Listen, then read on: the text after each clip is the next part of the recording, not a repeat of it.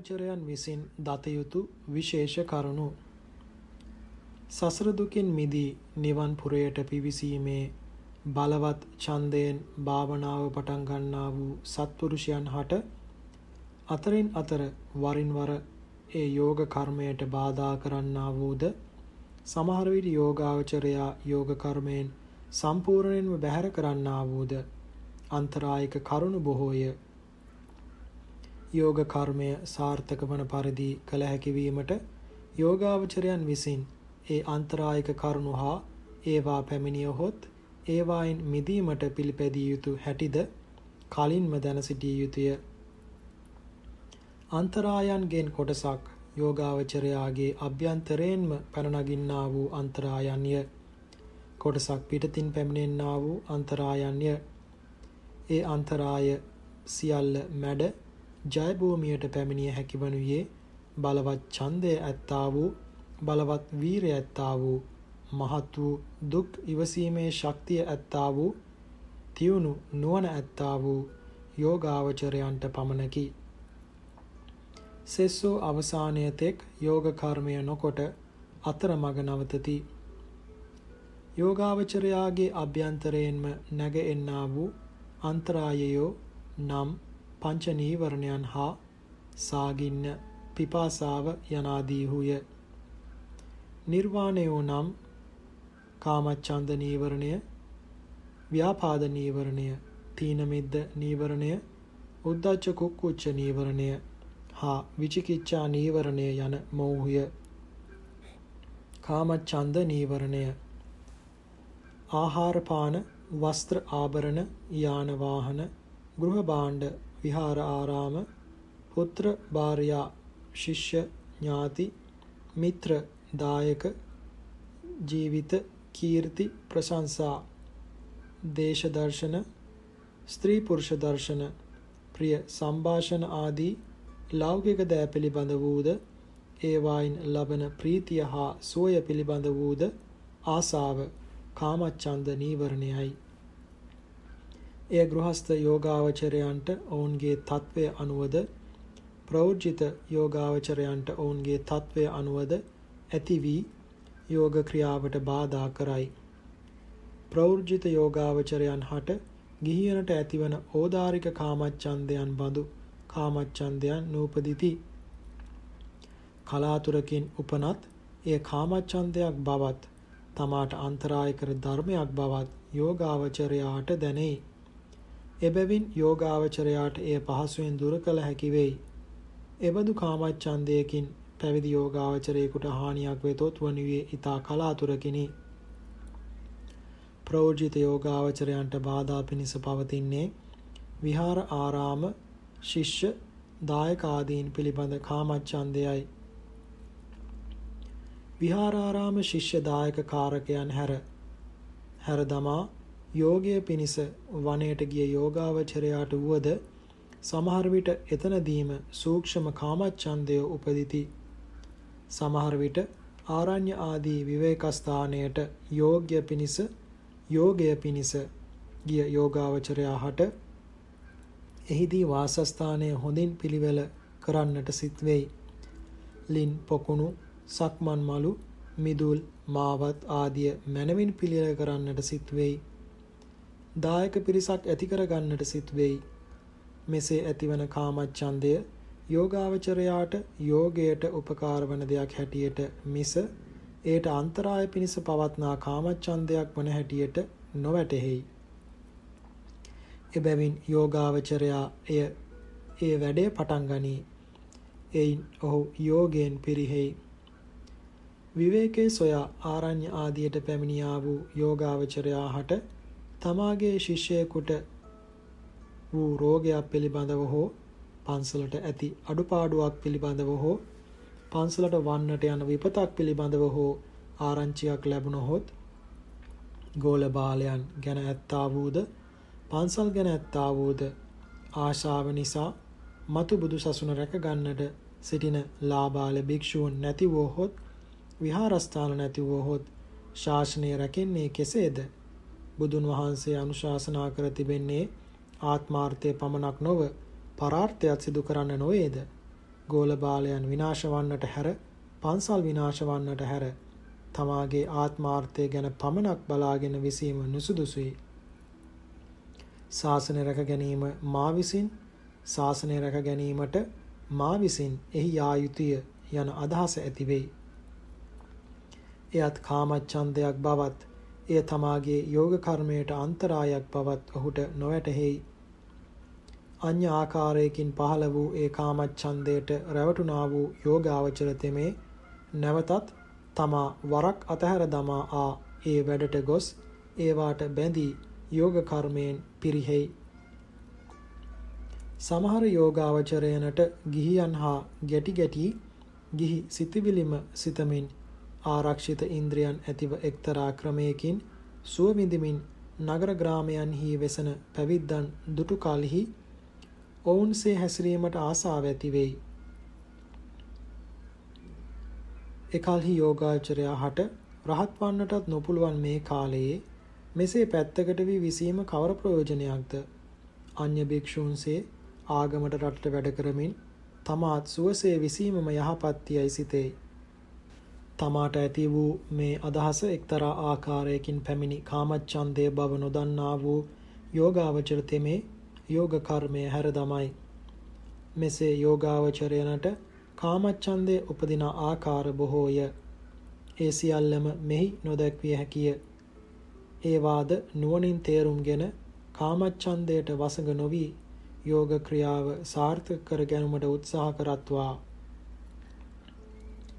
ස්ත්‍රී පුරුෂ සත්ව පුද්ගල නিত্য සුඛ සුබ ආදී වශයෙන් සංස්කාරයන් පිළිබඳව වර්ධවා කල්පනා කිරීම නූපන් කාමච්ඡන්දයන් ඉපදීමටත් උපන් කාමච්ඡන්දයන් වැඩිවීමටත් හේතුවකි.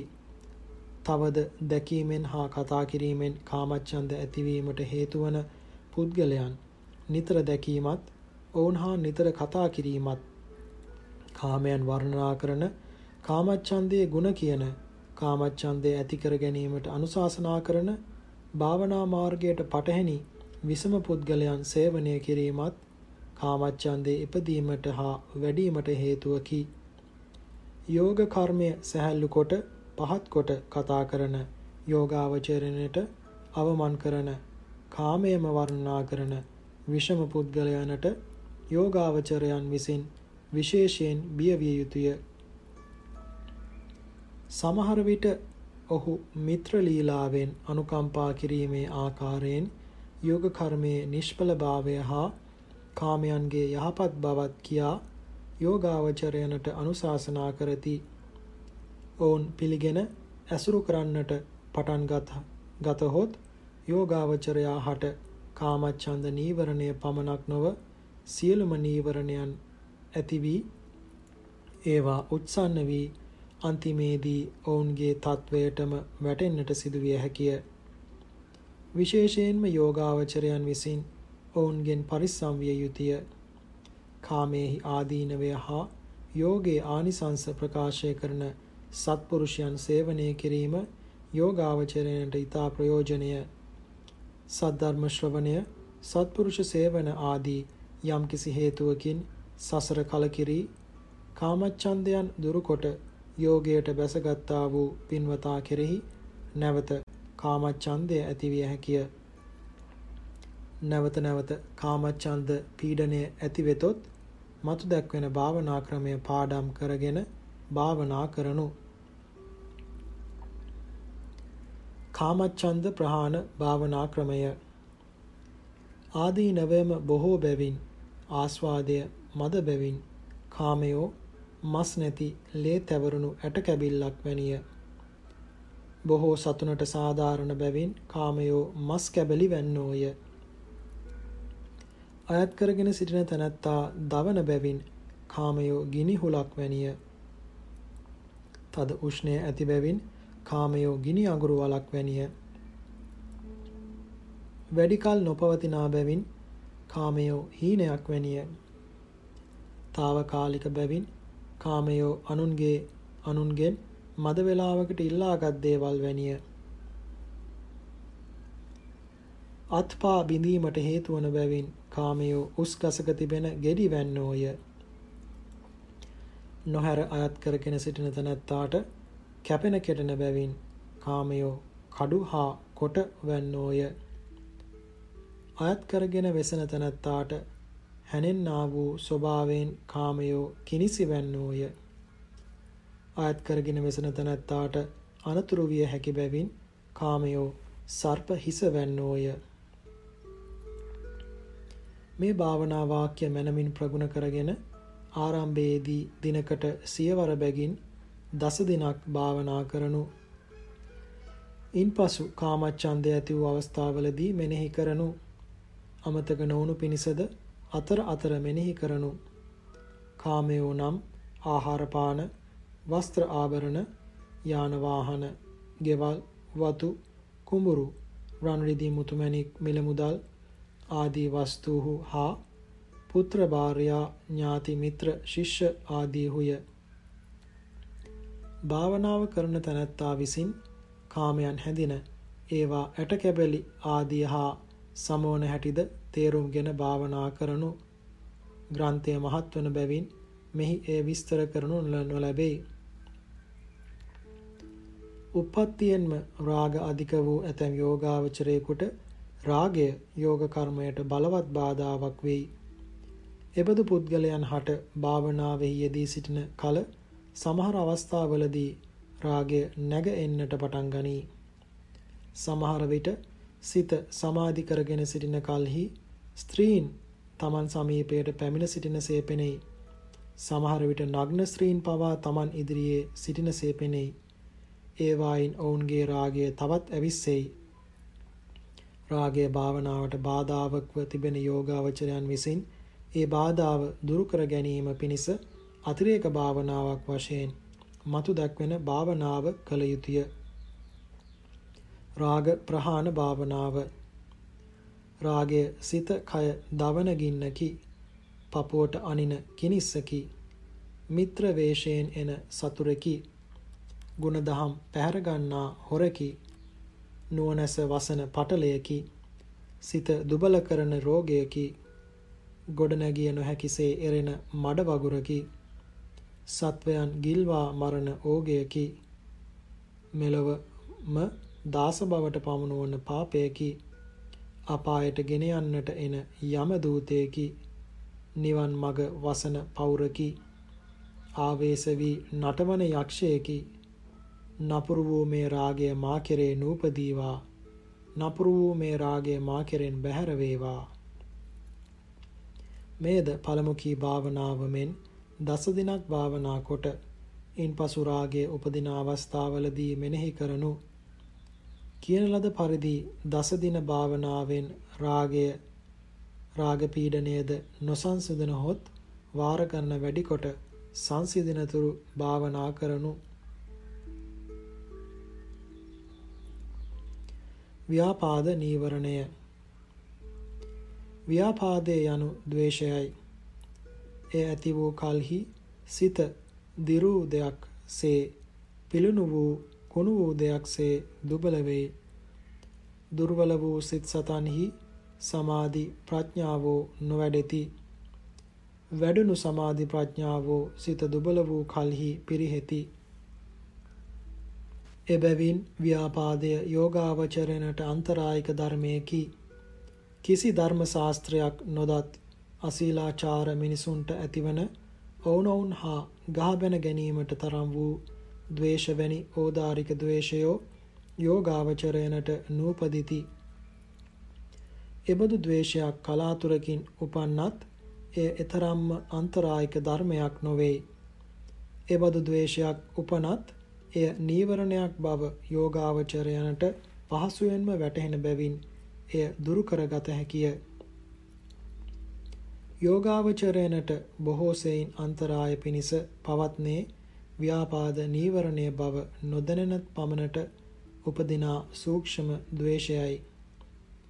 තමනට නිතර කරදර කරන සතුරුකම් කරන පුද්ගලයෙකු සමීපයේ වාසය කෙරේ නම් ඔහු නිසා යෝගාවචරයාගේ සිතෙහි නිතර ද්වේෂය පහළ විය හැකිය. කොපමණ සියුම් වුවත් නිතර ද්වේෂය පහළ වෙතහොත් එය යෝග කර්මයට මහත් අන්තරායකි. උසස් දියුණුවක් ලැබූ යෝගාවචරයෙකුට මිස නවීන යෝගාවචරයෙකු හට එබඳු පුද්ගලයෙකු නිසා හටගන්නා ද්වේෂය වළක්වාගෙන යෝග ක්‍රියාව මනවින් කරගෙන යා හැකි නොවේයි. යම්කිසි යෝගාවචරයෙකුට එබඳු සතුරෙක් වේ නම් මෙත් වැඩීම් ආදියෙන් ඔහු මිත්‍ර කරගත යුතුය. එසේ නොකළ හැකි වේ නම් සතුරා නොඑන පෙදෙසකට තමා යා යුතුය.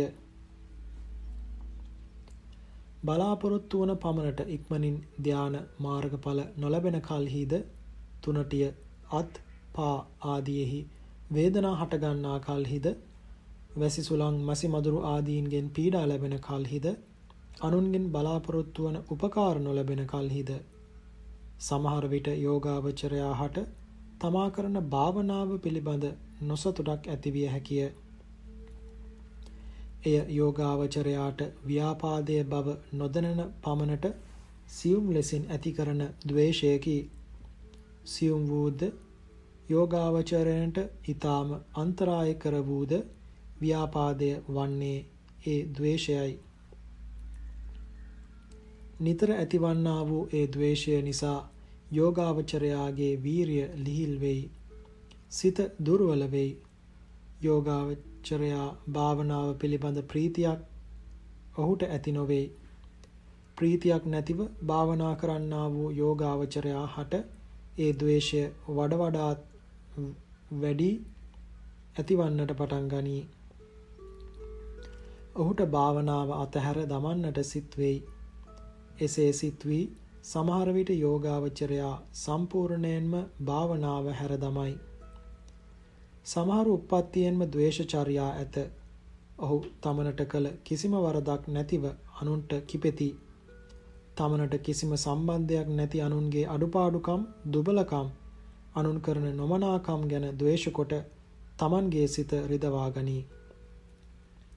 එබඳු පුද්ගලයෝ දවසෙන් වැඩි කාලයක් ද්වේෂ සහගත සිතින්ම වෙසෙයි. එබඳු පුද්ගලයනටද භාවනාවෙන් ඵල ලැබිය හැකි නොවේ. උප්පත්තියෙන්ම ද්වේෂය අධික වූ එබඳු සමහර පුද්ගලයෝ ඒ ද්වේෂය Tamanගේ ගුණවත්කමක් යයි සිතා රැවටෙති. එසේ රැවටි සිටින්නේ සමහර විට මට ඔය නොමනා වැඩ කරන බොරු කරන කපටිකම් කරන අය පෙන්වන්නවත් බෑ. පෙන්නකොට පිස්සු හැදෙනවා යනාදීන් Tamanගේ ඒ දුර්ගුණය ගුණයක් කොට අනුන් හමු වේද කියති. නිර්වාණ නීවරණ විශේෂෙහි මුලා නොවනු පිණිස වංචක ධර්ම හා චිත්තෝපක්ලේශ ධර්ම නැමැති පොත කියවීම යෝගාවචරයනට ඊතා ප්‍රයෝජනවත්ය. උප්පත්තියෙන්ම ද්වේෂ අධික වූවන් විසින් ද්වේෂය තුනී කර ගැනීම සඳහා මතු දැක්වෙන භාවනාව කළ යුතුය. ව්‍යාපාද ප්‍රහාණ භාවනාව ද්වේෂය සිත කය දවන ගින්නකි. උමතු කරවන විෂයකි. මිනිසාට ආවේශ වන යක්ෂයකි. සිත දුබල කරන රෝගයකි. නුවණැස වසන පටලයකි.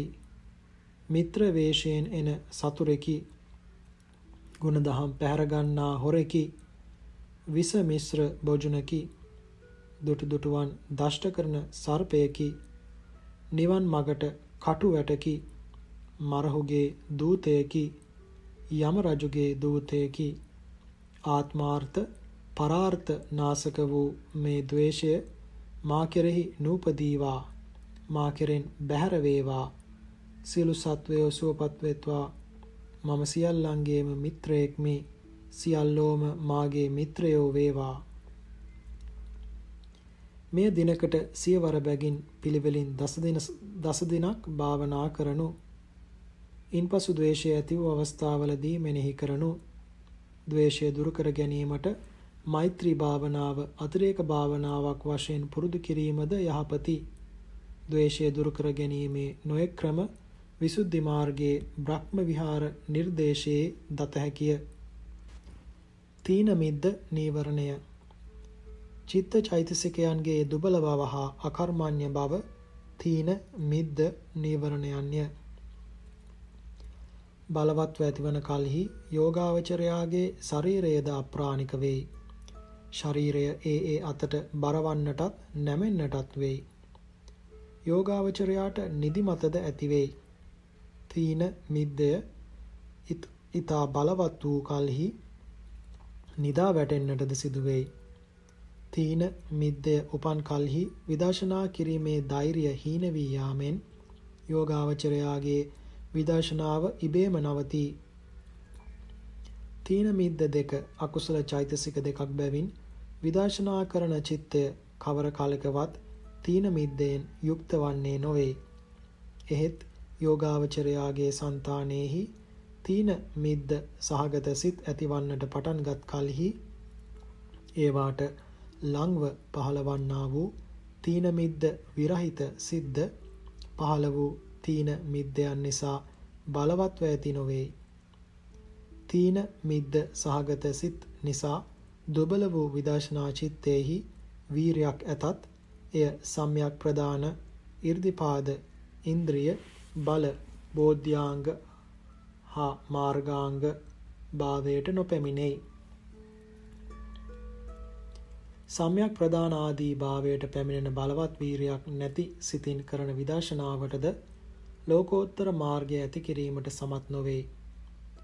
ලෝකෝත්තර මාර්ගයට පැමිණවීමට සමත් වනුයේ සම්‍යක් ප්‍රදාන 이르දිපාද ආදී භාවයට පැමිණි බලවත් වීරියෙන් යුක්ත විදර්ශනාවයි.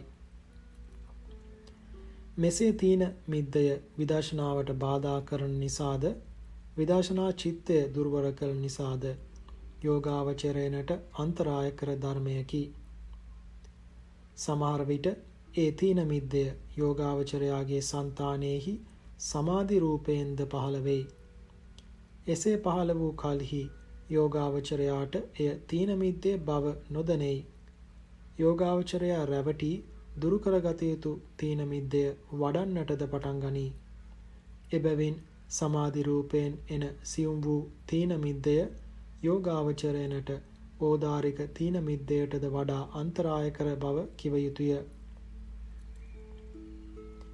භාවනා කිරීමට සතුටක් නැති බව, කය පණ නැති බව, කය ඒ මේ අතට බර කරවන බව, නැමෙන බව, ආහාර මත සිත පසුබස්නා බව යන මේ පිළිබඳව කාරණානුකූලව කල්පනා නොකිරීම කාමච්ඡන්දයේ ඉපදීම පමණට වඩා ආහාර වැළඳීම අපත්‍ය ආහාර වැළඳීම යැපෙන පමණට ආහාර නොලැබීම අධික සීතල අධික උෂ්ණය ශරීරයේ ඊතා ස්ථූල වීම ඊතා කෘෂ වීම රෝගයෝ අලසයන් සේවනය කිරීම පමණට වඩා සුව පහසු ඇති අසුන්වල විසීම අඳුරේ විසීම යන මේ ආදී කරුණු තීන මිද්‍යාගේ ඉපදීමට හා වැඩිවීමට හේතුය.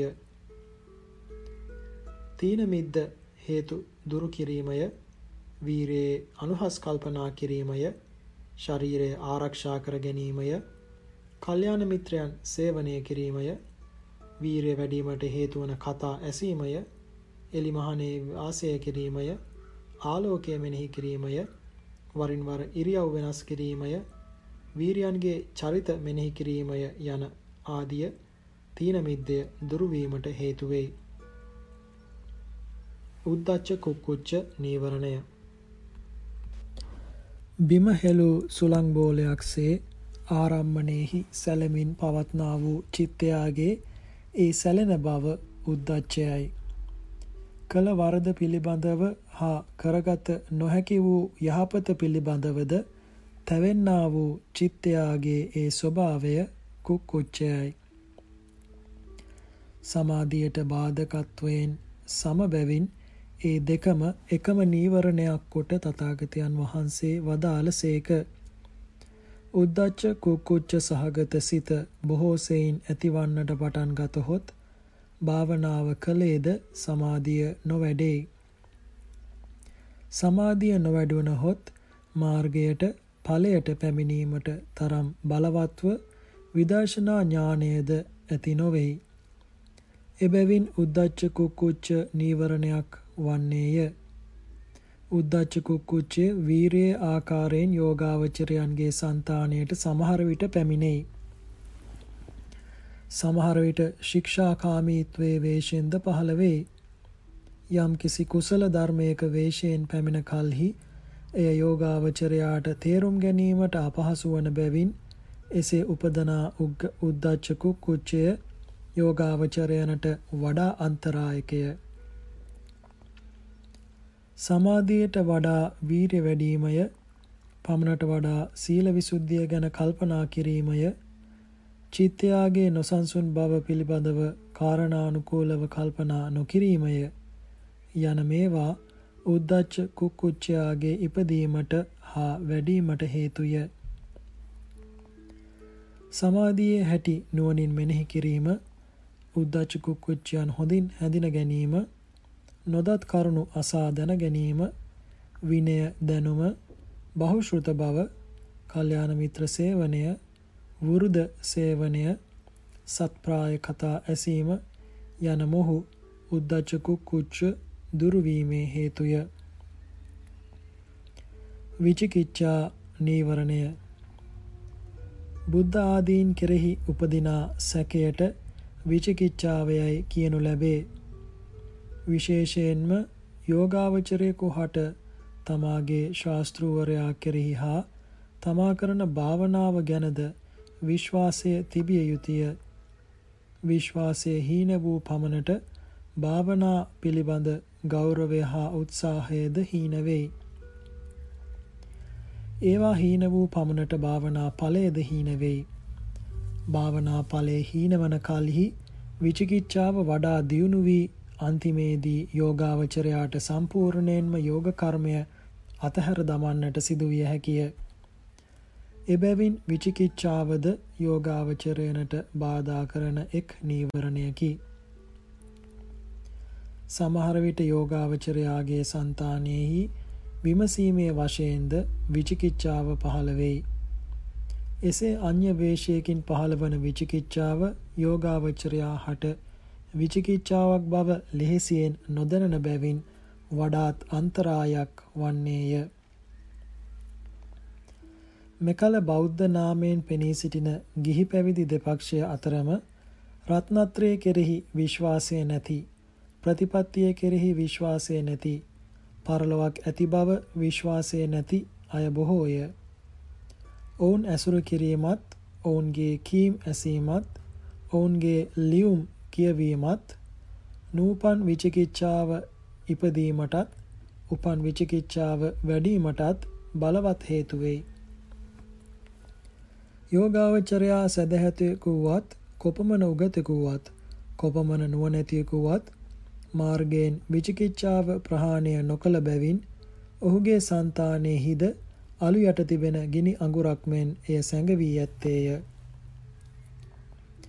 විදර්ශනාව මස්තක ප්‍රාප්ත වී මතු නූපදිනා පරිදි එය දුරු වී යන්නට මත්තෙන් නූපන් විචිකිච්ඡාව උපදවන උපන් විචිකිච්ඡාව වඩන විෂම පුද්ගලයන් ඇසුරු කළහොත් අනුසය වශයෙන් පවත්නා විචිකිච්ඡා මතු වී අවුත් යෝග කර්මයට හානි විය හැකිය. එබැවින් යෝගාවචරයන් විසින් විෂම අදහස් ඇතිවුන්ගේ කියුම් වලට ඇහුම්කන් නොදී ඔවුන් හා භජනය නොගොස් ඔවුන්ගෙන් පරිස්සම් විය යුතුය. සමහර විට ඒ විෂම අදහස් ඇත්තේ යෝගාවචරයන්ගේ කටයුතු අවුරු කළ දැමීමට දුබල යෝගාවචරයන්ගෙන් නොයෙක් ප්‍රශ්න අසති. ඒවාට උත්තර දෙන්නට හෝ ඔවුන් හා විවාදයට හෝ නොගොස් යෝගාවචරයා විසින් තමාගේ කටයුතු පමණක් බලාගත යුතුය. තවද විචිකිච්ඡාව මනවින් නොහැඳිනීමත් විචිකිච්ඡාවේ ආදීනවය නුවණින් නොමෙනෙහි කිරීමත් විචිකිච්ඡාව ඉපදීමට හේතු වෙයි. කුසල අකුසල ධර්ම විශේෂෙහි යෝනිසෝ මනසිකාර බහුල බව ධර්මයේ පිළිබඳ දැනුම ඇති බව තෙරුවන් පිළිබඳ ප්‍රශ්න ඇසීම ඇති බව විනය දන්නා බව ශ්‍රද්ධා බහුල බව කල්යාණ මිත්‍ර සේවනය සත්ප්‍රාය කතා ඇසීම යන මොහු විචිකිච්ඡාව දුරු වීමට හේතුය. යෝගාවචරයනට පිටතින් එන අන්තරායෝ. ධානාදී උත්තරී මනුෂ්‍ය ධර්මයක් ලබන්නට ලංවන පමණට භාවනාව දියුණු කරගත්තා වූ යෝගාචරයන්ගෙන් සමහර කෙනෙකුට එය ඉදිරියට දියුණු කරගත යා නොහැකි පරිදි බලවත් වූද කල්පවත්නා වූද රෝගයක් හටගෙන රෝගය නිසා භාවනාවෙහි නොයදිය හැකිවීමෙන් ලැබූ දියුණුවෙන් යෝගාවචරයා පිරිහෙයි. රෝග සුව කරගෙන කල්ගතව නැවත භාවනා පටන් ගන්නේද නැවත ඒ දියුණුව ඔහුට නොලැබෙයි. සමහර යෝගාවචරයෙකුට බාධා කරන කරදර කරන එක් සතුරෙක් හෝ සතුරන් බොහෝ ගණනක් හෝ ඇතිවෙයි. සතුරු පීඩා නිසා භාවනාව මැනවින් කරගන්නට නොලැබීමෙන් ඔවුහු භාවනාවෙන් පිරිහෙයි. සමහර විට සතුරන් විසින් කලකට බේරුම් කරගත නොහැන මහ අවුලකට යෝගාවචරයා හසු කරනු ලැබේ. එයින් මිදීමට ක්‍රියා කරන්නට සිදුවීමෙන් යෝගාවචරයා භාවනාවෙන් පිරිහෙයි. සමහර යෝගාවචරයන් කරා ලාභ සත්කාර ගලා එන්නට වෙයි. බොහෝ ජනයා පැමිණෙන්නට වෙයි. ඒවා ගැන ක්‍රියා කරන්නට වීමෙන් යෝගාවචරයා හට ඉදිරියට යාම හා තමා ලැබූ දියුණුව පවත්වා ගැනීමට නූ පුළුවන් වෙයි. ලාභ සත්කාර ආදිය නිසා යෝගාවචරයා යෝගයෙන් පිරිහුණු පසු ලාභ සත්කාරයෙන්ද පිරිහෙයි. ඒවා පවත්නේ යෝගාවචරයා පිරිහෙන තුරු පමණකි. සමහර යෝගාවචරයෙකු වෙත ඔහු කෙරෙහි ඇලුම් කොට ස්ත්‍රියක් පැමිණෙන්නට වෙයි. ඇගේ පෙළඹවීමට හසු වී යෝගාවචරයා පිරිහෙයි. ස්ත්‍රියක් පැමිණෙන්නට පටන් ගතහොත් යෝගාවචරයන් විසින් අන් හැමටම වඩා එයට බියවිය යුතුය. එය නොවැළැක්විය හැකිනම් තමා විසින් හෝ අන්දිශාවකට යා යුතුය. පෘතජ්ජන සිත කෙරෙහි විශ්වාසය තැබිය හැකි නොවෙයි. සමහර යෝගාවචරයෙකුට රෝග සුව කිරීමේ ශක්තියක් ලැබෙයි. සමහර රෝගාවචර යෝගාවචරයෙකුට භූත උපද්‍රව දුරු කිරීමේ ශක්තියක් ලැබෙයි. ඒවා කරවා ගැනීමට යෝගාවචරයා කරා නිතර ජනයා පැමිණෙන්නට පටන් ගනී. ඒවාට ව්‍යාවෘත වීමෙන් යෝගාවචරයා පිරිහෙයි. යෝගයෙන් පිරිහීම සමග ඒ බලයද කෙලවර වෙයි. සමහර යෝගාවචරයන් හට භූතයන් පෙනෙන්නට වෙයි. සමහරුන්ට භූතයන්ගෙන් නොයෙක් කරදර පැමිණෙන්නට පටන් ගනී. සමහර යෝගාවචරයෙකුගේ අමුදරුවනට භූත උපද්‍රව පැමිණෙන්නට පටන් ගනී. සමහර යෝගාවචරයෙකුගේ වාසස්ථානයේ වෙසෙන අන්‍යයන්ටද භූත උපද්‍රව පැමිණෙන්නට පටන් ගනී. මෙබඳු උපද්‍රවයන් යෝගාවචරයන්ට පැමිණෙන බව අප විසින් නිසකවම දැනගෙන තිබෙන සත්‍යයකි. කලක් මැනවින් භාවනාවෙහි යෙදුණු යෝගාවචරයන්ගෙන් අසා බැලුවහොත් තමන්ට නොයෙක් කරදර පැමිණි බව බොහෝ දෙනෙකුන් කියනු ඇත. යෝගාවචරයනට මේ අන්තරායන් කරන්නෝ මාරයෝය යනු බොහෝ යෝගාවචරයන්ගේ පිළිපැදීමයි. මනුෂ්‍යයන් ධානාදී උසස් ධර්ම ලබනවාට නොකැමැති ඒවා ලැබීමට උත්සාහ කරනවුන්ට බාධා කරන සමහර විට ඒවා ලබාගෙන සිටින අයටද කරදර කරන දේවගණයට අයත් භූතයෝ කොටසක් සිටිති. මාර්යා යයි කියනුයේ ඔවුනටය. දුසි නම් මාරයෙක් මිනිසුනට ආවේශ වී ඔවුන් ලවා කකුසඳ බුදුන් වහන්සේගේ ශ්‍රාවකයන්ට අපහාස කර වූ බවත් එයින් බුද්ධ ශ්‍රාවකයන්ගේ සිත් අවුල් කරවන්නට නොහැකි වූ කල්හි මාරතෙමේ ලාභයෙන් පොළඹවා බුද්ධ ශ්‍රාවකයන්ගේ සිත් අවුල් කරවන්නට සිතා ගිහියන්ට ආවේශ වී ඔවුන් ලවා භික්ෂූන්ට බොහෝ පූජා සත්කාර කර වූ බවත් එයින්ද භික්ෂූන් පොළඹවන්නට නොහැකි වූ කල්හි කෝප වූ මාරතෙමේ ළමයෙකුගේ ශරීරයට ආවේශ වී ගලකින් ගසා කකුසඳ බුදුන් වහන්සේගේ අග්‍රශ්‍රාවක වූ විදුර ස්තවීරයන් වහන්සේගේ හිස පැලූ බවත් මජ්ක්‍ධිම නිකායේ මාර තර්ජනීය සූත්‍රයෙහි දක්වා තිබෙයි. අප බුදුන් වහන්සේට හා භික්ඛු භික්ෂුණීන්ට නොඑක් වර මාරයන් කරදර කළ බව බොහෝ සූත්‍ර ධර්මවල හා විනේහි දක්වා තිබේ. වර්තමාන යෝගාවචරයන්ට පැමිණෙන ඕදුරු වලටත් අන් හේතුවක් නොපෙනෙන බැවින්ද මාර පීඩනයක් ඇති බව පොතපතින් පෙනෙන බැවින්ද බොහෝ යෝගාවචරයන් විශ්වාස කරන පරිදි ඒ උවදුරු මාරයන්ගෙන්ම පැමිණෙන බව පිළිගත යුතුය. මාර නම් වූ භූතයන්ගෙන් ආරක්ෂා වනු සඳහා යෝගාවචරයන් කරන උපක්‍රමද බොහෝය.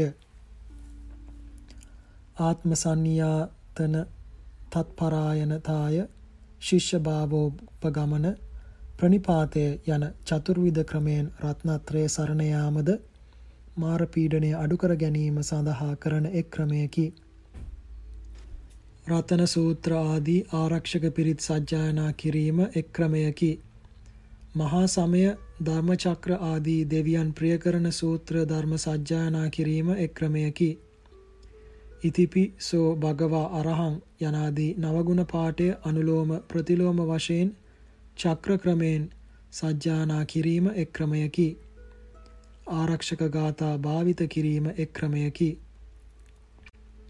බුරුමයේ සුප්‍රසිද්ධ යෝගාවචරයෙකු වූ ග්‍රන්ථ කතෘවරයෙකු වූ ලෙඩීසියාඩෝ නැමැති මහාස්තවීරයන් වහන්සේගේ යෝග ක්‍රියාකොට ජයබීමට පත් වූ කෙනෙකු ලෙස බොහෝ දෙනා පිළිගනිති. උන්වහන්සේ විසින් භාවිත කරන ලදැයි කියන ආරක්ෂක ගාථා තුනක් තිබේ. ඒ මෙසේය. පඨවි බල සුන්දරී සබ්බඤ්ඤු බෝධි මණ්ඩලං අසංකේය මාරසේනං ජයෝ ජයතු මංගලං කකුසන්தோ කෝණාගමනෝ කස්සපෝ ගෝතමෝ මුනි මෙත්තේ යාච පංච බුද්ධාතේ සීසේ මේ සෙන්තු සබ්බදා ඒතේසං ආනුභාවේන යක්ඛා දේවා මහිද්దికා සබ්බේ පි සුකිතා හොන්තු මම මිත්තා සහායකා මෙබඳු ගාථා යම්කිසි গুপ্ত බලයක් ඇති ගාථාය භාෂා රීති ව්‍යාකරණ ක්‍රම කල්පනා කොට මේවායේ යම්කිසි වෙනසක් ඇති කරන්නට නොයනු මේ තිබෙන හැටියටම භාවිතා කරනු පටන් ගැනීමේදී මේ ගාථා දිනකට 108 වර බැගින් සතියක් සජ්ජායනා කර ඉන්පසු උදේ හවස භාවිතා කරනු එසේ නොකල හැකි අය විසින් දිනකට සත් 30 වර බැගින් එක් 20 දිනක් සජ්ජායනා කොට ඉන්පසු උදේ හවස භාවිතා කරනු. යෝගාවචරයන් භාවිත කරන තවත් ආරක්ෂක ගාථා දෙකක්.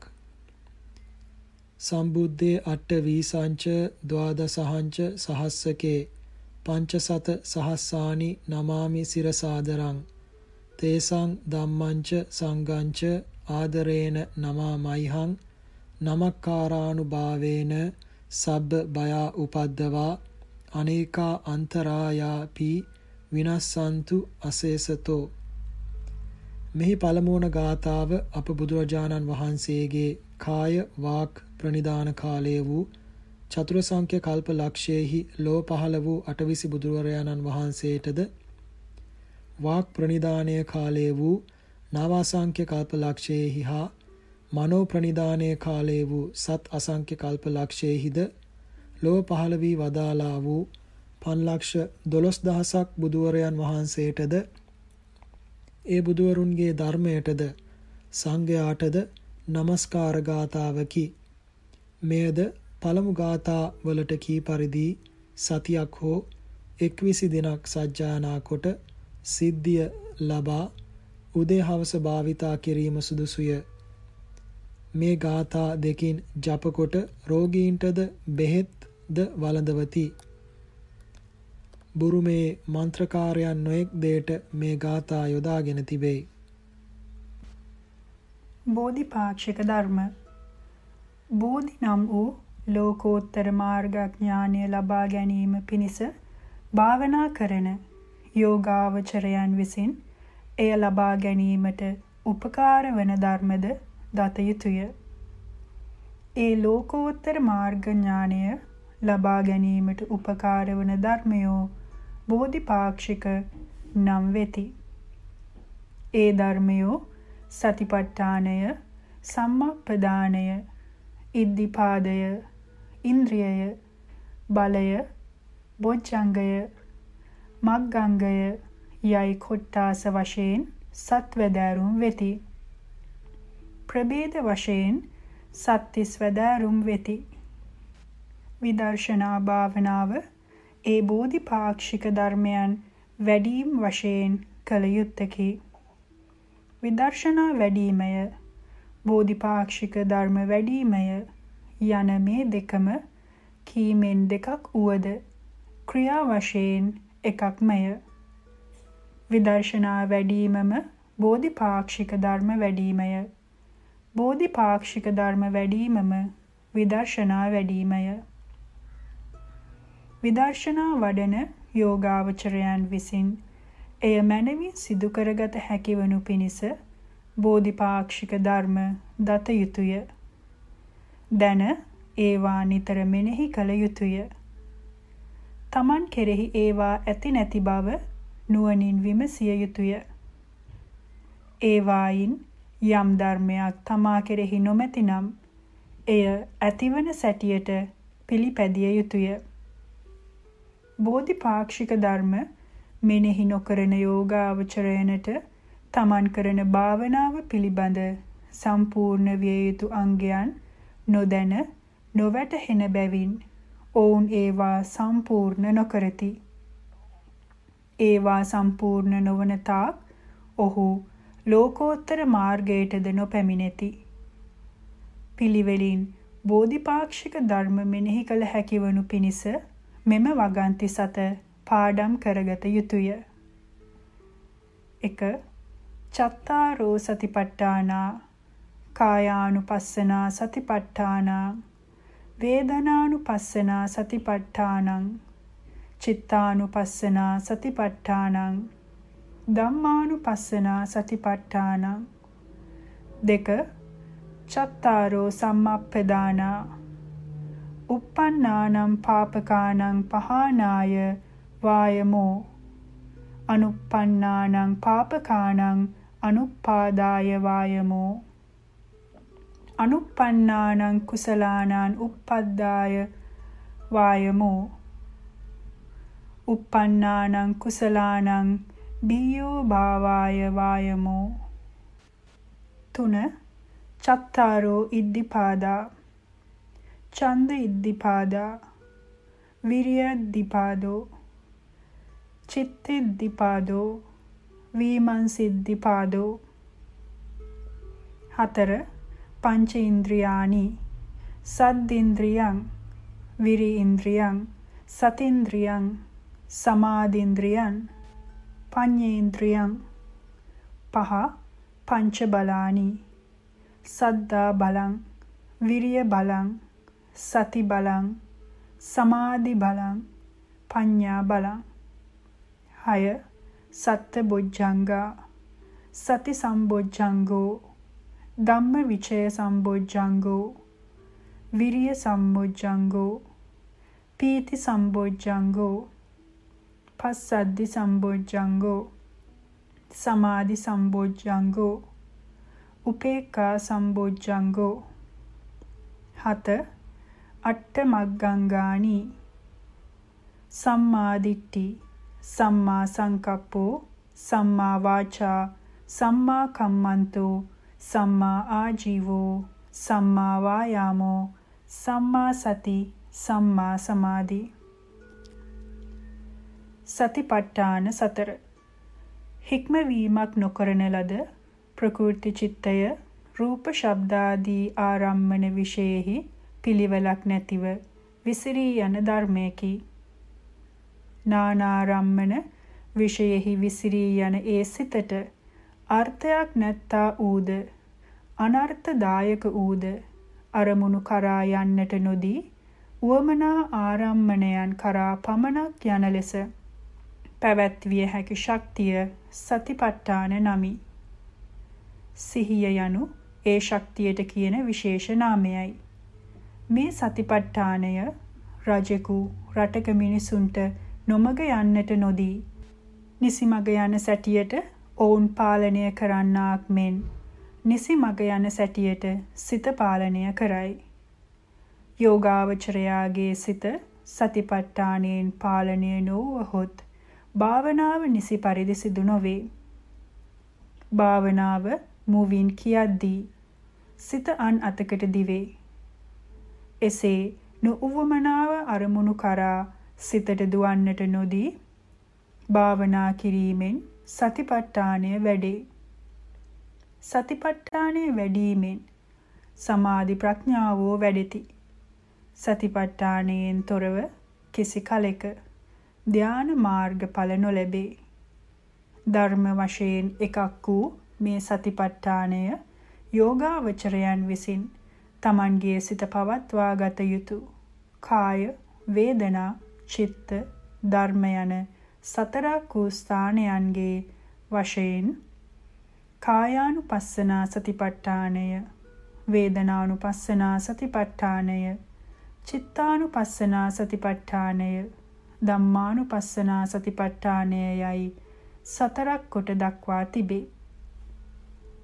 රූපයට අයත් සංස්කාරයන් සම්මර්ෂණය කිරීමේදී කායානුපස්සනා සතිපට්ඨානයද නාම ධර්මයන්ගෙන් වේදනාව සම්මර්ෂණය කිරීමේදී වේදනානුපස්සනා සතිපට්ඨානයද චිත්තය සම්මර්ෂණය කිරීමේදී චිත්තානුපස්සනා සතිපට්ඨානයද වේදනා චිත්ත දෙකින් අන්‍ය නාම ධර්මයන් සම්මර්ෂණය කිරීමේදී ධම්මානුපස්සනා සතිපට්ඨානයද වැඩේ.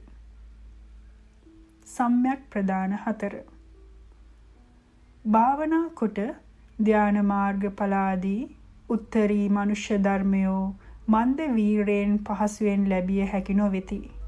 ඒවා ලැබීමට බලාපොරොත්තු වන යෝගාවචරයනට ඒ උසස් ධර්ම ලැබීමට නම් කොතෙක් වර්ෂ ගණනක් භාවනාවෙහි යෙදුනත් බොහෝ කලක් භාවනා කළෙමුයි කියා නොකලකිරෙන්නා වූ ඉදිරියට කොතෙක් වර්ෂ ගණනක් භාවනා කරන්නට සිදුවෙද්ද ඉදිරියටම මිස පස්සට නොයන්නා වූ කොතෙක් දුක් කරදර විඳින්නට උවත් ඒවා ගැන කම්පා නොවන්නා වූ ශරීරයේ ලේමස් වියලී ගොස් ඇටත් සමග නහරත් පමණක් ඉතිරි වෙතත් බලාපොරොත්තු වන තැනට පැමිණීමම මිස අතරමඟ නොනවත්වන්නා වූ බලවත් වීරයක් තිබිය යුතුය. සම්මක් ප්‍රදානයන් යයි කියනු ලබන්නේ ඒ වීරයටය. චක්කුපාල තෙරුන් වහන්සේ ඇස් දෙක පවා අන්දවන්නට හැර වස්තුන් මස මුළුල්ලෙහි නොනිදා භාවනා කොට රහත් වූසේක. පීතිමල්ල තෙරුණුවෝ පයින් සක්මන් කරන්නට නුපුළුවන් වූ කල්හි නොනිදා දනින් සක්මන් කරමින් භාවනා කළහ. දනින් සක්මන් කළ තෙරුන් වහන්සේට එක් දවසක් වැද්දෙක් මුවෙක්යයි සිතා සැතින් ඇන්නේය. තෙරුන් වහන්සේගේ ශරීරය විනිවිද ගිය සැත ගලවවා ලේ ගලන සිදුර වසාගෙන ගල් තලාවක් මත වාඩි කරවාගෙන භාවනා කොට ඒ රාත්‍රියේදීම රහත් වූහ. මිලක්ක තෙරුන් වහන්සේ නිදිමත වෙන කලෙහි පිදුරු දරනු තෙමා හිස මත තබාගෙනද දියෙහි පා තබාගෙනද භාවනා කොට අනාගාමී ඵලයට පැමිණියහ. සම්‍යක් ප්‍රදාන යනු චක්කුපාල වීරාදීන්ගේ වීරය බඳු වීරයය. භාවනා කළ යුත්තේ ශරීරයත් ජීවිතයත් ආරක්ෂා කරගෙනය වීරය කොට දිවිනසා ගැනුමට මේන් නොකියනු ලැබේ. භාවනාවෙන් දැකිය හැකි ඵල ඇතිවනුයේ භාවනා කරන අවස්ථාවෙහි සංස්කාරයන්ගේ ලක්ෂණ සම්මර්ෂණය කරන සිත චක්කුපාල ස්තවීරාදීන්ගේ වීරිය බඳු සම්‍යක් ප්‍රදාන වීරයෙන් යුක්ත වූ කල්හිය. බලවත් වීරය නැත්තාහුගේ භාවනාව දුබල බැවින් එසේ භාවනා කරන්නහුගේ භාවනාව කොතෙක් කල්ගත වූවත් ඒ තත්වයේම පවත්නා බැවින් සමාධි ප්‍රඥාවන්ගේ වැඩිමක් නොවන බැවින් ඔහුට මෙලොවදීම දැකිය හැකි භාවනා ඵලයක් නොලැබේ. ධර්ම වශයෙන් සම්‍යක් ප්‍රදානය එකක්ම උවද එයින් සිදු කරන කෘත්‍ය ප්‍රභේදයන් උපන් පාපයන් ප්‍රහාණය කිරීමට වීරය කිරීමය. නූපන් පාපයන් නූපදීමට වීරය කිරීමය. නූපන් කුසල් ඉපදවීමට වීරය කිරීමය. උපන් කුසල් වැඩි දියුණු කිරීමට වීරය කිරීමයයි සම්‍යක් ප්‍රදාන සතරක් වේ. මේ කරුණු සතර ගැන කල යුතු අමුතු ව්‍යායාමයක් නැත. විදර්ශනා කිරීමට අනුවම මේ කරුණු සතර සිදුවේ. 이르දිපාද සතර සිදු කර ගැනීමට බලාපොරොත්තු වූ යම් කිසි කාර්යයක සිද්ධිය 이르දි නමි. ලැබීමට බලාපොරොත්තු වූ දෙයක ලැබීමය. උපදවා ගැනීමට බලාපොරොත්තු වූ දෙයක ඉපැදවීමය. වැඩි දියුණු කර ගැනීමට බලාපොරොත්තු වූ දෙයක වැඩි දියුණු වය යන මේවා 이르දීහුය 이르දි සිද්ධි යන මේ වචන සමානාර්ථ ඇත්තේය. 이르දියට හෙවත් සිද්ධියට අතිශයින් උපකාරක ධර්මයෝ 이르දිපාදයෝය. මේ බෝධිපාක්ෂික ධර්ම කතාවෙහි 이르දීහූ යයි අදහස් කරනු ලබනුවෝ යෝගාවචරයන් විසින් තම තමන් කරන යෝගයන් වැඩි දියුණු කර ගැනීමට උපදවා ගැනීමට ලැබීමට පැමිණීමට බලාපොරොත්තු වන ධර්මයෝය. ඒවා විශුද්ධි ක්‍රමයෙන් කියතහොත් චිත්ත පාරිශුද්ධ ශීලය සම්පූර්ණ කර ගැනීමට 이르දි සතරකි. චිත්ත විසුද්ධියට අයත් පරිකර්ම සමාධිය එක් 이르දියකි. උපචාර සමාධිය එක් 이르දියකි. රූප ධානපස 이르දි පසෙකි. අරූප ධාන සතර 이르දි සතරකි. पंचाभिज्ञा इर्दि फसकी දෘෂ්ටි විසුද්ධිය එක් 이르දියකි. කාංකාශ විතරණ විසුද්ධිය එක් විසුද්ධියකි. ඉතිරි විසුද්ධී හූද වෙන්වෙන් වූ 이르දී හුය. යෝගාවචරණයට මේ 이르දීන් ලැබීමට විශේෂයෙන් උපකාර වන අතිශයින් උපකාර වන ධර්මයෝ 이르දිපාදයෝය. ඡන්ද ඉද්ධිපාදය විරිය ඉද්ධිපාදය චිත්ත ඉද්ධිපාදය විමර්ශා ඉද්ධිපාදයයි. ඉද්ධිපාදයෝ සතර දෙනෙකි. 이르දිය ඇති කර ගැනීම පිළිබඳවම බලවත් ඕනෑකම ඡන්ද ඉද්ධිපාදයයි. ධර්මයෙන් තොරව කරන මේ රජකමින් පලක් නැතයයි. රජය හැර දහම් සෙවීමට වල්වැදුණු දහම්සොඬ රජතුමාගේ ඡන්දය වැනි ඡන්දයම ඡන්ද ඉද්ධිපාදයේයයි.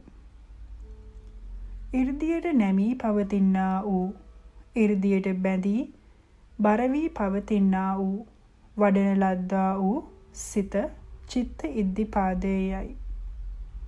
이르දිය ලැබෙන තුරු 이르දියට පැමිණෙන තුරු නොනවත්වන්නා වූ බලවත් වීරය වීර 이르දිපාදයේයයි. අපාය බය සංසාර බය ආදී මනවින් දක්නා වූ 이르දියට තුඩු දෙමින් පවතිනා වූ තියුණු වූ ප්‍රඥාව වීමන් සිද්ධි පාදයයි. ඉන්ද්‍රිය පස බුද්ධ ආදී රත්නත්‍රය කෙරෙහි පැහැදීම ආදී තම තමන්ට අයත් කෘත්‍යයට සංප්‍රයුක්ත ධර්ම සහිත වූ සිත අනුකූල කරවා ගැනීම වශයෙන් සිත කෙරෙහි අධිපති බව කරමින් ලෝකෝත්තර මාර්ගයට උපකාර වන ධර්මයෝ ඉන්ද්‍රිය නම් වෙති. සද්දීන්ද්‍රිය, වීර්ය ඉන්ද්‍රිය, සති ඉන්ද්‍රිය, සමාධි ඉන්ද්‍රිය, පඤ්ඤා ඉන්ද්‍රියයයි. ඉන්ද්‍රියෝ පස් දෙනෙකි. සාමාන්‍ය මිනිසුන්ගේ ශ්‍රද්ධාව ඉක්ම සිටින්නා වූ බුද්ධ ආදී රත්නත්‍රයාගේ ගුණය මනවින් පිළිගන්නා වූ විශේෂයෙන්ම සර්වඥ ශාසනයේ නෛර්යානිකත්වය විශ්වාස කරන්නා වූ භාවනාවෙන් වැඩි දියුණු කරන ලද්දා වූ බලවත් ශ්‍රද්ධාව සද්දී ඉන්ද්‍රියයි. පෙරකී සම්‍යක් ප්‍රදාන වීරයම වීර ඉන්ද්‍රියයි. සතිපට්ඨානයයි කියන ලද සිහිය සති ඉන්ද්‍රියයි. භාවනා කිරීම වශයෙන් වඩා ගන්නා ලද බලවත් වූ සමාධිය සමාධීන්ද්‍රියයි. දියුණු තියුණු වූ ප්‍රඥාවම ප්‍රඥා ඉන්ද්‍රියයි. මේ ඉන්ද්‍රයන් නොවඩා දුබල වූ ඉන්ද්‍රයන් කරනකොට යෝගාවචරේකුට මාර්ග අධිගමනය නොකළ හැකිය. ඉන්ද්‍රිය වැඩිමද සමවනසේ කළ යුත්තකි. ඉන්ද්‍රයන්ගෙන් එකක් අධිකව වැඩිම වුවහොත් එපමණට නොවැඩුණු අන්‍ය ඉන්ද්‍රියෝ ඒ సంతාණයෙන් අධිකව වැඩි ගිය ඉන්ද්‍රයන් හා තමා අයත් කෘත්‍ය සිදු කිරීමට සමත් නොවේති. එක් ඉන්ද්‍රියයකට උවද අයත් කෘත්‍ය මනවින් සිදු නොවෙතහොත් ලෝකෝත්තර මාර්ගය නූපදී. එබැවින් යම් ඉන්ද්‍රියක් අධිකව වැඩුණහොත් ඒ ඉන්ද්‍රිය වැඩෙනසේ මෙනෙහි කළ ආකාරයෙන් ධර්මයන් මෙනෙහි කිරීම නවත්වා ඒ ඉන්ද්‍රිය පිරිහෙන්නට හැරිය යුතුය. විශේෂයෙන්ම යෝගාවචරයේකුට සද්දේන්ද්‍රිය ප්‍රඥේන්ද්‍රිය දෙදෙනාගේද වීර ඉන්ද්‍රිය සමාධි ඉන්ද්‍රිය දෙදෙනාගේද සමතාව තිබිය යුතුය. ඒ වායින් එක එක බලය අධික වන කලෙහි අනෙක් ඉන්ද්‍රිය තමා අයත් කෘත්‍ය සිදු කිරීමට අසමත් වන බැවිනි. බලපස. ලෝකෝත්තර මාර්ගය කරා ගමන් කරන යෝගාවචරයාගේ ගමනට බාධා කරන යෝගාවචරයාගේ ගමන් මාර්ගයේ සරසර සිටිනා යෝගාවචරයා පසුබස්වන ප්‍රතිපක්ෂ ධර්මයනට නොමැඩලිය හැකි පමණට ශක්ති සම්පූර්ණ වූ ප්‍රතිපක්ෂ ධර්මයන් පළවා හැරීමට ශක්තිමත් වූ යෝගාවචරයා සම්බෝධියට පමුණුවන්නා වූ ධර්මයෝ බල නම් වෙති. සද්ධා බලය, සති බලය, වීරිය බලය, සමාධි බලය, ප්‍රඥා බලයයි. බල ධර්මයෝ පස් දෙනෙකි. අශ්‍රද්ධාවෙන් නොසැලවිය හැකි වන සැටියට වඩන ලද ශ්‍රද්ධාව සද්දා බලයයි.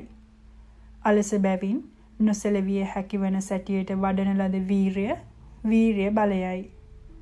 මුලා වන බැවින් නොසැලවිය හැකි වන පරිදි බලවත් කරන ලද සිහිය සති බලයයි. අවුද්දත්තයෙන් මැඩලිය නොහැන පමණට දියුණු කළ සමාධිය සමාධි බලයයි. අවිද්‍යාවට මැඩලිය නොහැන පමණට දියුණු තියුණු කළ ප්‍රඥාව ප්‍රඥා බලයයි.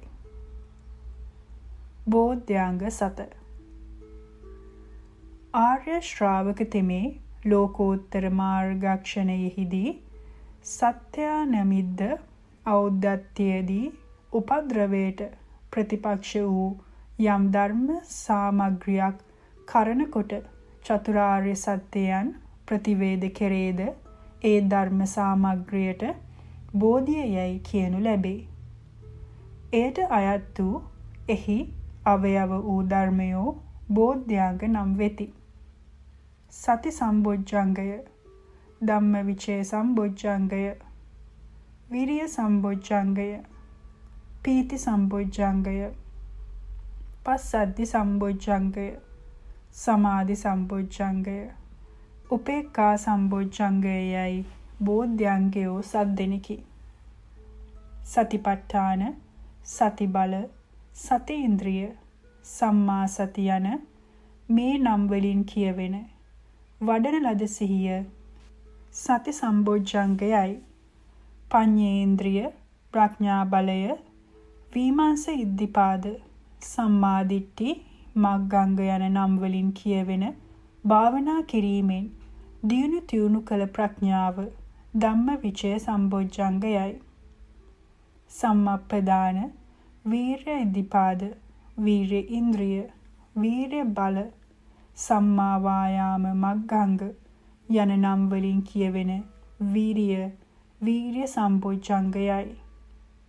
සංස්කාරයන්ගේ අනිත්‍ය ආදී ලක්ෂණයන් මනවින් වැටහීමෙන් වන්නා වූ විදර්ශනා චිත්ත සංප්‍රයුක්ත ප්‍රීතිය ප්‍රීති සම්පොජ්ජංගයයි.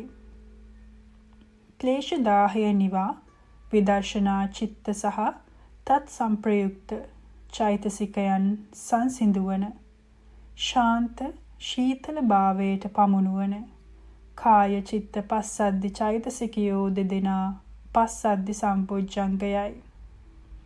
සමාධීන්ද්‍රිය සමාධි බල සම්මා සමාධි මග්ගංග යන නම් වලින් කියවෙන සමාධිය සමාධි සම්බොජ්ජංගයයි සති ආදී බෝධ්‍යංග සය එකට එකක් බලවත් වන්නට හෝ දුබල වන්නට හෝ නොදී සමව පවත්නා වූ ධර්මය උපේක්ඛා සම්බොජ්ජංගයයි. මාර්ගංගයෝ අට දෙන. යම් ධර්ම සමූහයක් කරනකොට ආර්ය ශ්‍රාවක තෙමේ මතු නූපදනා පරිද්දෙන් කෙලෙසුන් නසා සසරින් එතර වී නිවනට යේද ඒ ධර්ම සමූහය මාර්ග නමි මාර්ගයේද සෝවාන් මාර්ගයය සකෘදාගාමි මාර්ගයය අනාගාමි මාර්ගයය අරහත් මාර්ගයයි සතර වැදෑරුම් වේ. ඒ මාර්ගයාගේ අංගයෝ සම්මා දිට්ඨි, සම්මා සංකප්ප, සම්මා වාචා, සම්මා කම්මන්ත, සම්මා ආජීව, සම්මා වායාම, සම්මා සති, සම්මා සමාධියයි අට දෙනෙක් වෙති. විමර්ශ ඉද්ධිපාද පඤ්ඤා ඉන්ද්‍රිය පඤ්ඤා බල ධම්ම විචේ සම්බොජ්ජංගය යන නම් වලින් කියන ලද ප්‍රඥාව සම්මා දිට්ඨියයි. විතර්ක චෛතසිකය සම්මා සංකප්පයයි. සම්මා වාචා සම්මා කම්මන්ත සම්මා ආජීව යන තුන විරති චෛතසිකයෝය. සම්මප්පදානාදී නම් වලින් දැක් වූ වීරිය සම්මා වායාමයයි. සතිපට්ඨානාදී නම් වලින් දැක්කුණු සතිය සම්මා සතියයි. චිත්තේ කාග්‍රතාවය සම්මා සමාධියයි. රේණුකාණේ චන්දවිමල මහානායක ස්තවීර පාදයන් වහන්සේ විසින් සම්පාදිත විදර්ශනා භාවනා ක්‍රමය නිමි.